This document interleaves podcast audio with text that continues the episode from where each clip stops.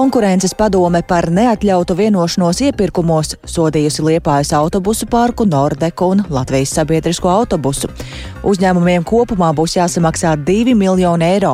Raidījumā pusdiena par to plašāk un skaidrosim arī, kā tas ietekmēs to nodrošinātos reisus. Sazināsimies arī ar Jēkapili, kur pēc plūdu atkāpšanās vietējie uzņēmēji tagad rēķina zaudējumus. Mums prece ir lejā, bija glabām preci, pirkām sūkņus, kaut kā mēģinājām sevi izglābt. Darba varbūt ne tik daudz, cik tā stresa, jo tā neziņa, kas būs tālāk.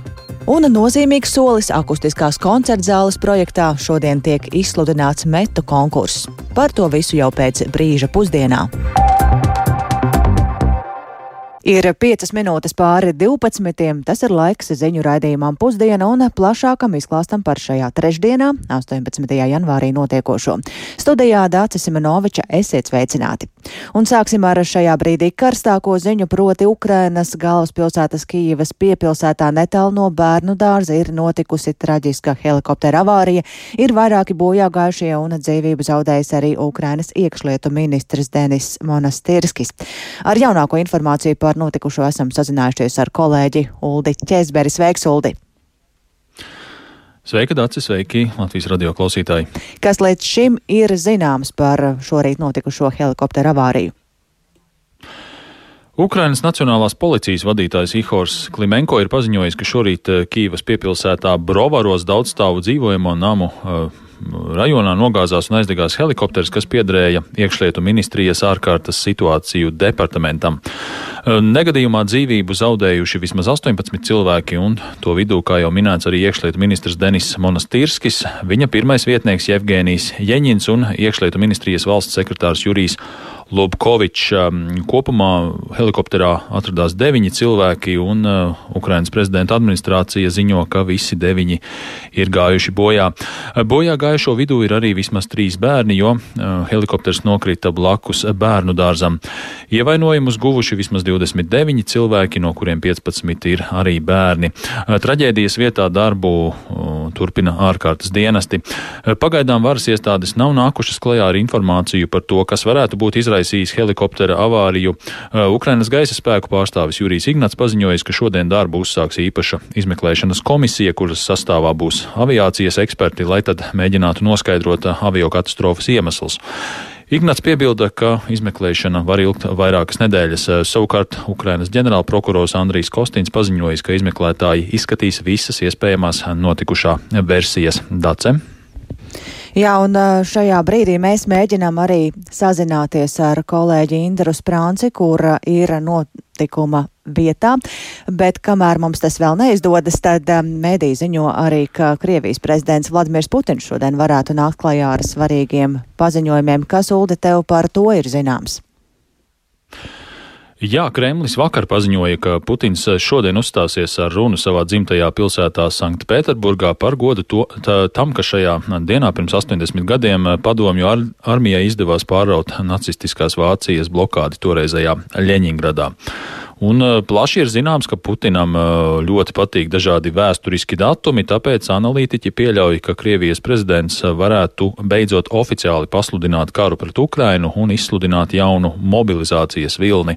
Pašlaik Kremlis kara darbību, kā zināms, kā, kā zināms tad Kremlis pašlaik kara darbību Ukrainā dēvē par speciālo militāro operāciju. Paldies, Uldi. Mums šobrīd ir izdevies arī sazināties ar kolēģi Indru Sprānci, un viņa ir notikuma vietā, kura šodien notika helikoptera avārija.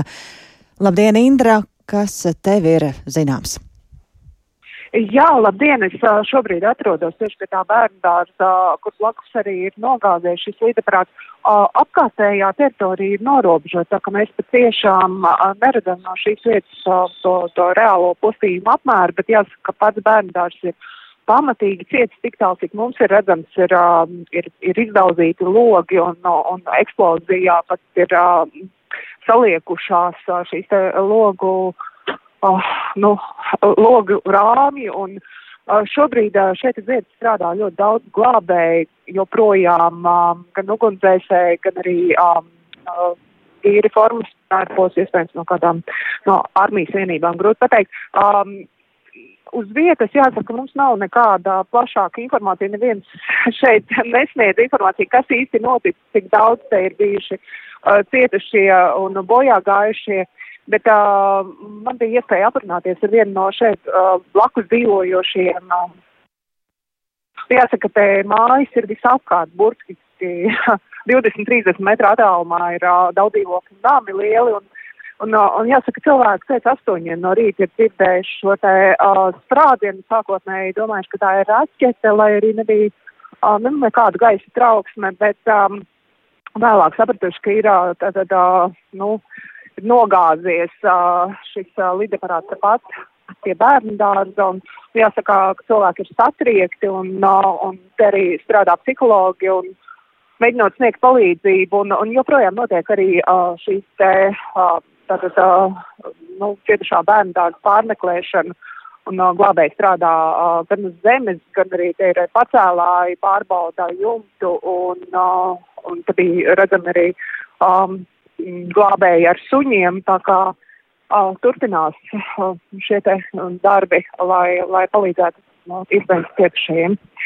Tas ir viss, ko es šobrīd varu pateikt. Paldies, Indra, par ziņām no notikuma vietas. Gaidīsim plašāku tavu reportāžu redzīmā pēcpusdiena, bet tagad mēs vēl atgriežamies pie Ulda Ķēzbera. Uldi, Pēc Krievijas raķetes uzbrukuma dzīvojamai mājai Dnipro, kur sestdien nogalināja vismaz 45 cilvēkus, atkārtot arī ir izskanējuši aicinājumi izveidot īpašu starptautisku tribunālu Krievijas kara nozieguma izskatīšanai, vai šajā ziņā ir spērti kādi soļi šādas institūcijas izveidošanā?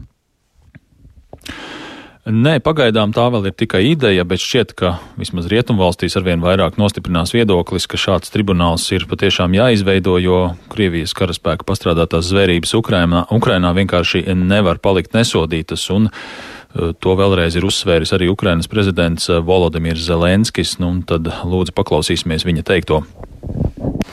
Малі діти і мирні люди для Росії вороги. Bērni un civiliedzīvotāji ir Krievijas ienaidnieki. Acīm redzot, tas varēja notikt tikai tāpēc, ka Krievija ir kļuvusi par visas cilvēces ienaidnieku. Davosā ir sācies ikgadējs Pasaules ekonomikas fórums. Pasaule dzird Ukrainu Davosā. Viņi zina, ko Krievija ir izdarījusi Dņipro, viņi zina, ko teroristi dara Hersonai, Harkivai, mūsu Donbasam un citām teritorijām, uz kurām Krievija atveda nāvi. Un mēs lobējam, lai pasauli palielinātu spiedienu uz teroristisko valsti. Esmu pārliecināts, ka pēc šīs nedēļas pasaule ieraudzīs aktīvākus un ietekmīgākus atbalstītājus idejai par tribunāla izveidi Krievijas agresijas noziegumu izmeklēšanai un īpaša mehānismu izveidei, lai kompensētu kara radītos zaudējumus uz Krievijas aktīvu rēķina.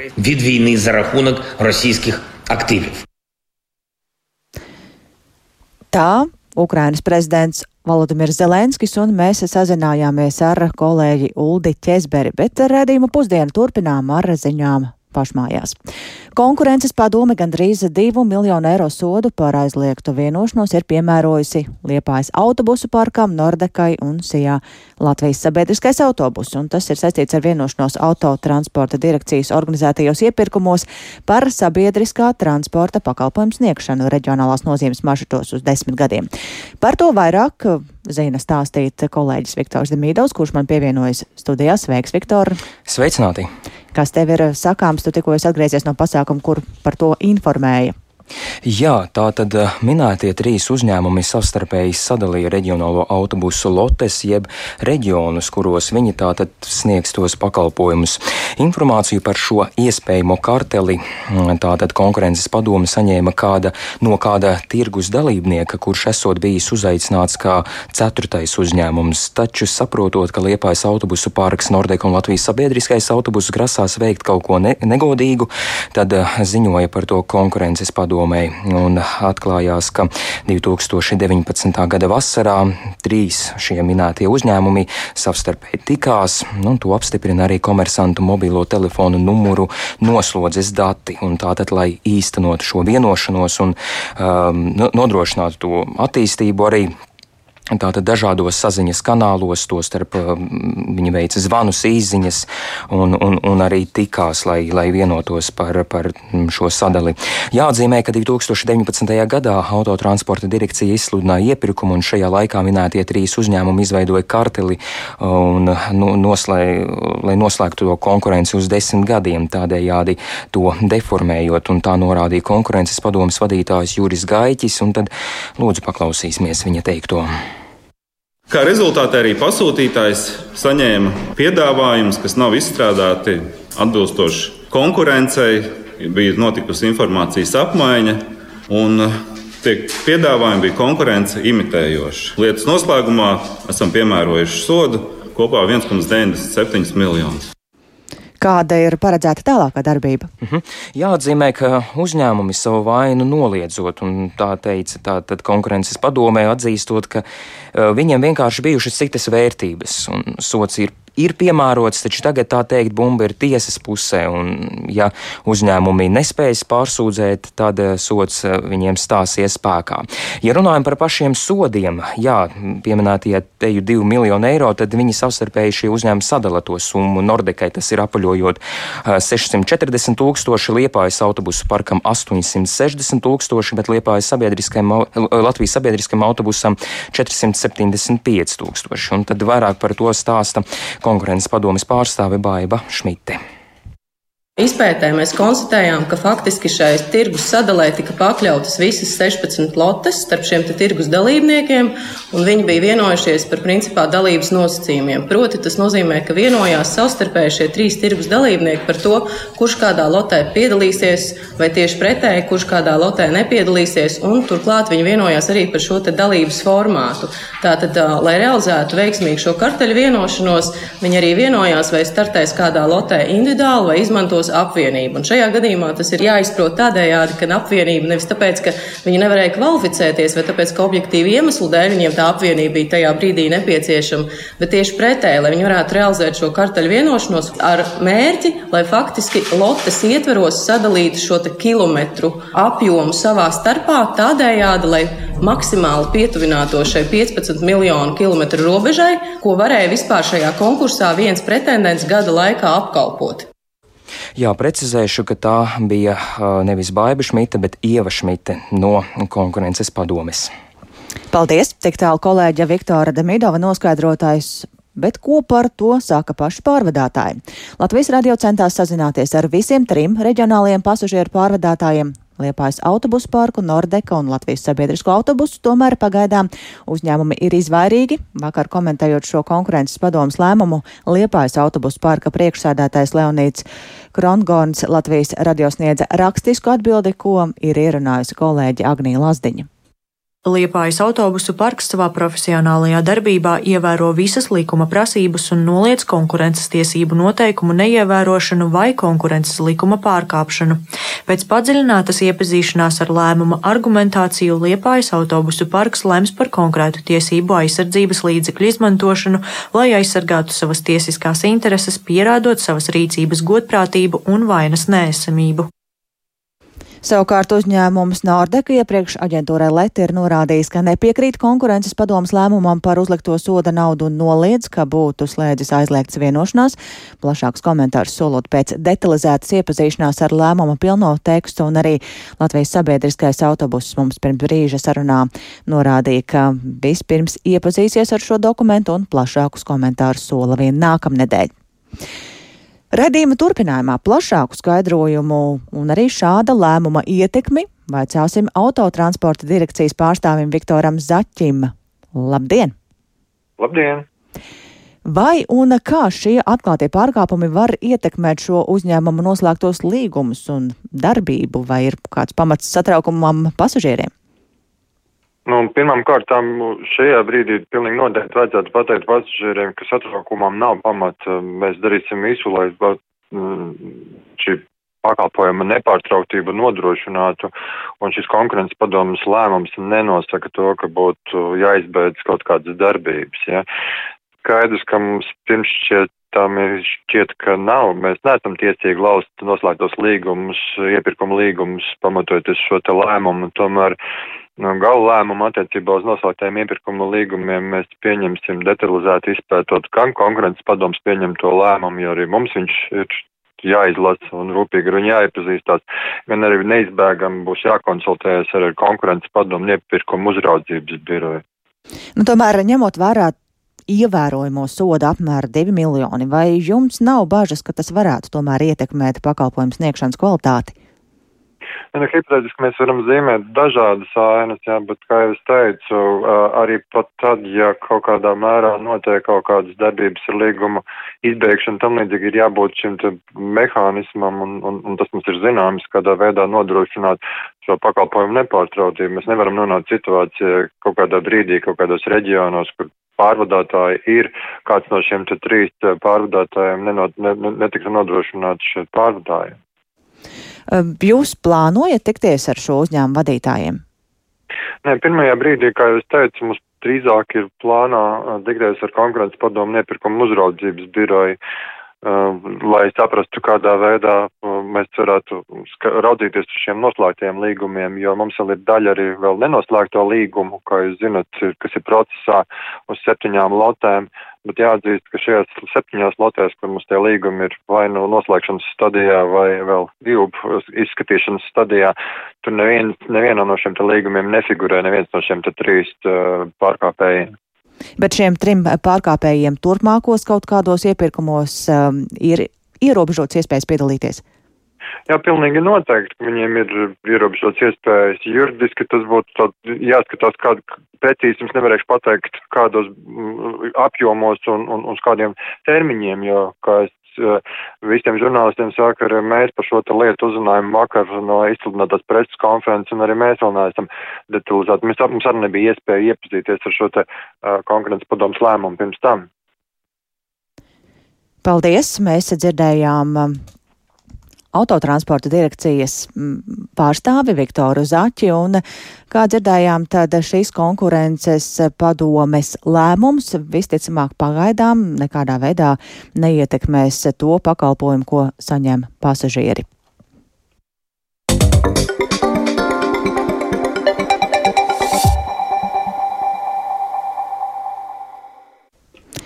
Daugavā pie Jēkabils turpinās vienmērīga ūdens līmeņa pazemināšanās, ir atcelta evakuācija Daugavas kreisajā krastā.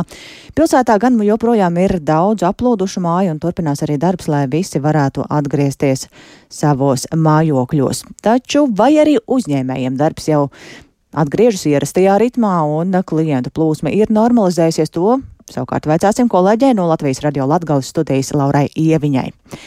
Labdien! Labdien, Dace, labdien, klausītāji! Uh, jā, izskatās, ka dzīve Jēkabpilī arī vecpilsētā iegriežas ierastajās sliedēs. Pašlaik atrodos pie vecpilsētas laukuma uz Brīvības ielas. Brīvības iela ir tā iela, kas ir vistuvāk dambim. Vēl tuvāk ir mazā pļaviņu iela, kur satiksme šobrīd joprojām ir slēgta un tā ir piepildīta ar ūdeni un notiek atsūknēšanas darbi un dambja stiprināšanas darbi. Bet Brīvības ielā vakar vakarā ir atjaunota satiksme. Un arī pastaigājot pa ielu, var vērot, ka arī uzņēmēji durvis ir vēruši vaļā saviem apmeklētājiem. Uh, nu, uh, Kā izrādās, uh, daļa no viņiem turpināja strādāt arī visas brīvdienas. Apmeklētāju gan esot bijis ļoti maz, uh, jo cilvēki esot baidījušies nākt uz vecpilsētu, kas bija apdraudētā teritorija gadījumā, ja dambis tomēr uh, neizturētu. Bet nu, veikala darbinieki, viņi šajās dienās vairāk ir nodarbojušies ar to, ka glāba preces no aplūšanas, jo visiem ir noliktavas pagrabos, un tad viņi centās šīs preces vai nu pacelt augstāk, ja tas ir iespējams, vai nu nest uz ēkas augš, augšējiem stāviem. Nu, tāpat. Jāsaka, ka liela daļa vēroja šo situāciju ar cerību, ka dambis tomēr izturēs. Uh, un, piemēram, biju galerijā Mans, uh, kur ir izstādītas gan gleznas, gan mākslas priekšmeti, un man darbinieks teica, ka tā laika sagatavoties esot bijis tik maz, uh, nu, ka viņi vairāk vēroja ar tādu cerību, ka ja nu notiek sliktākais scenārijs un galerijā ieplūst ūdens, nu, ka tas ūdens uh, nesasniegs gleznu līmeni. Uh, bet, piemēram, viesnīcā Luīze uh, izrādās ir bijuši arī daži drosmīgie, kas palikuši arī brīvdienās, to gan nesot bijis daudz, un viņus izmitināja viesnīcas augšējos stāvos. Uh, nakts klubs turpat blakus esošais, uh, tas gan bija slēgts un apmeklētājiem nebija pieejams. Nu, varbūt turpinājumā mēs uh, varam paklausīties, uh, kā tad ir gājis uh, apģērbu veikalam mūsu apģērbi un arī mazajai frizētavai. Traki klājas! Mums prece ir lejā bija. Glabām preci, pirkām sūkņus, kaut kā mēģinājām sevi izglābt. Darba varbūt ne tik daudz, cik tā stresa, jo tā neziņa, kas būs tālāk. Mēs nepārtraucām strādāt. Mēs kā strādājām, paralēli strādājām, paralēli sevi glābām. Visi jau bija nobijušies. Praktiski pircēju nebija. Jo šī puse taču visa bija slēgta. Tā kā nu, paralēli strādāsim, paralēli kaut ko darīsim vēl, lai nu, novērstu to visu. Vismaz sevi pasargātu. Nu, pagaidām mums arī stāv sūknis, kā arī teica, lai izmanto savējos. Nu, mēs arī izmantojam savējos. Mazā frizētava, vineta. Pirmdien nestrādājām, attiecīgi brīvdienas arī nē. Mēs piekdienu visu pacēlām, cik vien iespējams augstāk no grīdas, jo šeit eh, kaimiņos eh, tie, kas bija piedzīvojuši 81. gadā tos plūdus, tad teica, ka šeit apmēram telpā ir bijuši 70 centimetri tas ūdens iekšā. Un vakar es te atnācu vienkārši tā apskatīt, tikai par cik te bija tā kā iela slēgta, un vēl tas sarkanais brīdinājums. Nu, tā kaut kā. Šodien ir pirmā diena, jā, kā mēs atgriežamies. Ir klienti pierakstījušies? Ir pierakstījušies, jā, jā. Uh, jā, un kopumā jāsaka, ka uzrunātie uzņēmēji arī atzina, ka preci viņi ir paspējuši izglābt un vismaz tāda veida materiālie zaudējumi viņiem nav nodarīti. Un uh, tāpat viņi arī uh, netaisās uz laiku aizvērt savu darbību. Viņi strādās ierastajā režīmā, vēros situāciju un, ja būs nepieciešams, tad arī attiecīgi reaģēs. Paldies kolēģei Laurai Ieviņai par ziņām no Jēkabpils. Jāteic, ka viņas sacītajā sadzirdējām to, ka trauksmains laiks ir aizvadīts arī uzņēmējiem, bet šobrīd pamazām arī viņiem ikdiena atgriežas ierastā ritējumā. No Jēkabpils uz Rīgu un Rīga spēr pirmo soli Nacionālās akustiskās koncertzāles izveidē un, lai pārveidotu kongresu namu, šodien izsludina starptautisku metu konkursu pirmo kārtu, un to tieši šobrīd par to plašāk informē arī Kultūras ministrija, Rīgas dome un Latvijas arhitektu savienība, un tam seko līdzi arī kolēģi Zane Eniņa, ar kuru esam sazinājušies. Sveika, Zane! Sveiki, Dārts, sveiki, klausītāji! Jā, es atrodos Rīgas Rācnamā, un nu pat tādā nedaudz svinīgā un saviņotā atmosfērā tika izsludināts starptautiskais metu konkurss akustiskās koncerta zāles būvniecībai tagadējā kongresa namā. Un uzreiz jāpaskaidro, ka uh, akustiskajai koncertzālē ir izdomāts nosaukums, un no šodienas mēs runājam par Rīgas filharmoniju um, kultūras ministrs Nauris Puntuls um, bija ļoti saviņots ka, un apgalvoja, ka šis process esot tik tālu kā vēl nekad, jo ir izvēlēta vieta, ir uh, skaidrs finansēšanas modelis un, un arī uzticams partneris, proti Rīgas dome. Um, Un tā, un tā, un tā, jā, klausos. Jā, varbūt atgādina arī par to vēsturi, jo es saprotu, ka arī, nu, mēs atceramies visi, ka epopeja ir bijusi sena. Jā, eh, koncertzāles uh, ideja par to, ka Rīgai ir nepieciešama uh, laikmetam atbilstoša koncertzāle, ir ļoti sena. Tie ir pat vairāki gadus desmiti. Un atcerēsimies, ka mm, nav gluži tā, ka šis ir tāds ekskluzīvs brīdis, kad koncertzāles būvniecība ir tikus līdz kaut kādam ārkārtīgi tālam punktam. Uh, jāatgādina, ka 2006. gadā jau sākās projektēšana koncertzālē uz AB Dambja kas atrodas Dabas kreisajā krastā pie akmens tilta. Tur jau tika iztērēt vairāk miljonu latu, jā, tajā laikā vēl bija lati, vēl eiro pie mums nebija ieviesti, taču šis projekts 2009. Eh, gadā tika apturēts, jo valsts bija nonākusi ekonomiskajā krīzē, nu kā, kā visa pasaule, Un tajā laikā izskanēja, ka šis projekts Zābē Dāmģe ir tikai apturēts un ka pie tā kaut kad varētu atgriezties, taču um, nu, tas tā nenotika. Tagad projektēšana sāksies no nulles un pilnīgi citā vietā. Jā, vēl par ko, ko šodien pastāstīja, kas, kāda ir paredzēta šī Rīgas filharmonija. Tajā būs lielā zāle, kurā būs 1300 skatītāju vietu, un tā būs pielāgota galvenokārt tam, lai labi skanētu simfoniskais orķestris. Um, kā prototyps tam esot Rēzeknas koncertzāle Gors skaņas kvalitātes ziņā. Un būs arī mazā zāle ar 350 skatītāju vietām kas būs pielāgota kameru koncertiem. Un, jā, par pašu metu konkursu vēl jāpiebilst, ka tam ir paredzēts 180 tūkstoši eiro budžets tiem to metu izstrādē, kur iekļūs otrajā konkursu kārtā. To tad varēs detalizēti izstrādāt, tātad tas būs apmaksāts darbs. Un vēl ir arī 60 tūkstoši eiro balvu fonds. Un jā. ir domāts, jā, es pabeigšu teikumu, jā, ka nu, šo, šim projektu konkursam vajadzētu noslēgties un līgumam par būvprojektu izstrādi jābūt uh, noslēgtam līdz gada beigām. Jā, paldies Zanai Eniņai, un ar to arī skan programma pusdiena. To veido Ilza Aginta, Uldis Grīnbergs, Katrīna Bramberga un Dācis Simenoviča.